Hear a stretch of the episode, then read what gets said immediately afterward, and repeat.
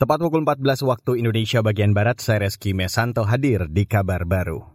Saudara pemerintah akan memfokuskan anggaran pendapatan dan belanja negara atau APBN pada 2021 untuk masalah kesehatan, bantuan sosial, pendidikan, dan perlindungan sosial. Presiden Joko Widodo mengatakan, rencana itu diambil lantaran semua negara akan memasuki ketidakpastian ekonomi, sehingga penguatan di beberapa sektor harus digenjot dan disesuaikan. APBN tahun 2021 akan fokus kepada empat hal. Yang pertama, penanganan kesehatan. Ini masih dalam hal penanganan COVID, utamanya nanti akan fokus kepada vaksinasi. Oleh sebab itu, anggaran yang berkaitan dengan penguatan sarana dan prasarana kesehatan laboratorium, penelitian dan pengembangan sangat diperlukan. Yang kedua yang berkaitan dengan perlindungan sosial, terutama bagi kelompok yang kurang mampu dan rentan. Presiden Jokowi mengatakan APBN tahun depan naik 0,4 persen menjadi lebih dari 2,7 kuadriliun rupiah dibanding tahun ini. Nantinya lebih dari suatu kuadriliun untuk belanja kementerian dan lembaga, sedangkan lebih dari 790 triliun rupiah untuk transfer dana desa dan daerah, serta untuk melanjutkan program-program pemulihan ekonomi di 2021. Beralih ke informasi selanjutnya, Saudara, Komisi Pemberantasan Korupsi atau KPK mempunyai waktu 1 kali 24 jam untuk menentukan status hukum Menteri Kelautan dan Perikanan Edi Prabowo dan sejumlah orang yang ditangkap di Bandara Soekarno-Hatta dini hari tadi. KPK belum menginformasikan kapan konferensi pers hasil penangkapan dan pemeriksaan tersebut digelar.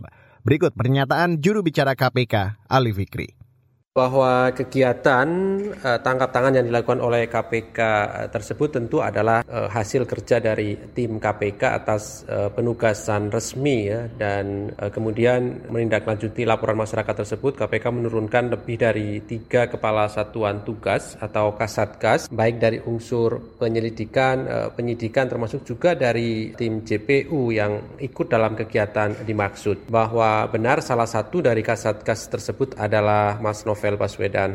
Itu tadi juru bicara KPK Ali Fikri. Sebelumnya, Wakil Ketua KPK Nurul Gufron menegaskan, Edi Prabowo juga menjabat Wakil Ketua Umum Gerindra itu ditangkap bersama keluarga dan pejabat Kementerian Kelautan dan Perikanan atau KKP karena diduga terkait kasus ekspor benur.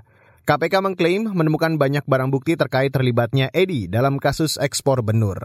Namun KPK belum menjelaskan secara rinci terkait barang bukti yang disita. Saudara, sejumlah nelayan lobster di Banyuwangi, Jawa Timur ikut resah dengan penangkapan Menteri Kelautan dan Perikanan Edi Prabowo oleh KPK hari ini. Salah satu nelayan di pantai Gerajagan Banyuwangi, Nur Kholis, khawatir penangkapan itu akan mempengaruhi kebijakan pemerintah terkait ekspor benih lobster. Sebab Menteri Edi sudah membolehkan ekspor benih lobster, sedangkan pendahulunya, yakni Menteri Susi Pujiastuti, melarang ekspor benur.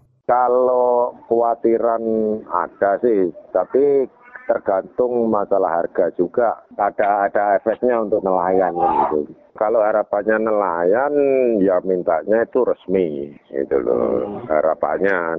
Biarpun yang nangkep, biarpun yang yang beli itu sama-sama enak, tapi harga juga bisa stabil gitu. Nelayan di pantai Gerajagan Banyuwangi Nurkolis mengaku saat ini sudah bisa menjual benih lobster terang-terangan satu ekor benih dihargai sekitar 25 ribu.